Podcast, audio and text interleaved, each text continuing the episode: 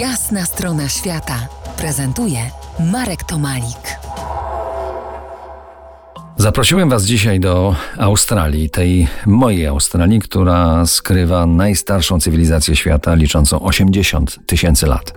Pretekstem do tej opowieści jest moja najnowsza książka Dziewięć Ognisk, która obserwuje tę naszą naukową cywilizację zachodnią i te od rdzennych kultur.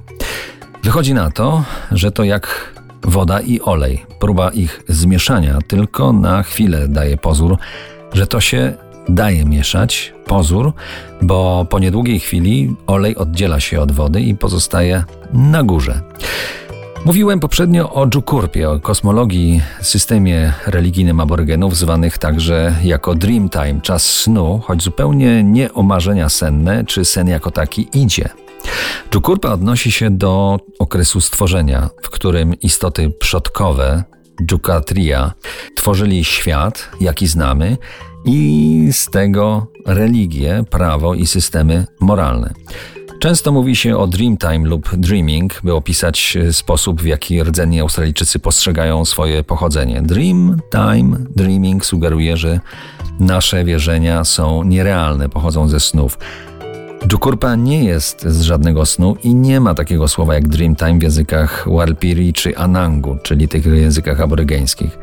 To jak to jeszcze inaczej wytłumaczyć? Przed y, stworzeniem nasz świat był nijaki. To wszystko, co widzisz, powstało po tym, kiedy nasi przodkowie Dżukatria pod opieką postaci, roślin, zwierząt podróżowali po naszym kraju. W okresie tworzenia i niszczenia przodkowie ukształtowali świat jako ten, który mamy i podziwiamy dzisiaj. Nasza Ziemia jest zamieszkana przez dziesiątki przodków.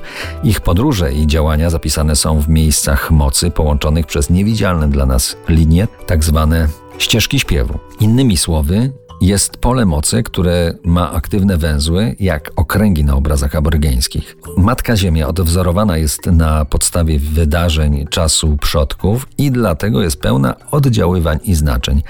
To, gdzie się urodziłeś, gdzie mieszkasz i gdzie umrzesz, ma dla ciebie, dla nas ogromne znaczenie.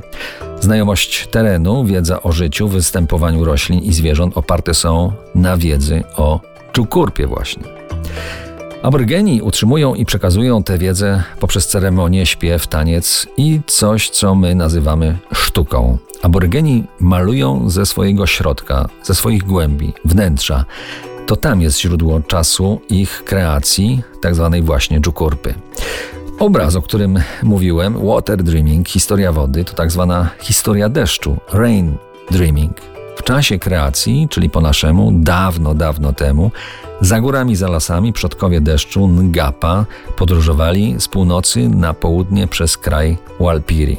Podróżując, tworzyli ludzi z małych chmur, a jak się utrudzili, założyli kęp, obóz na niebie które niebawem pokryło się gęstymi deszczowymi chmurami i z tymi błyskawicami w potokach wody to wszystko runęło na ziemię. I tak jest ten aborygeński dreaming, czas snu inaczej, Dżukurpa. Na kolejne opowieści z krainy śnień zapraszam za kilkanaście minut. To jest jasna strona świata w RMS Classic.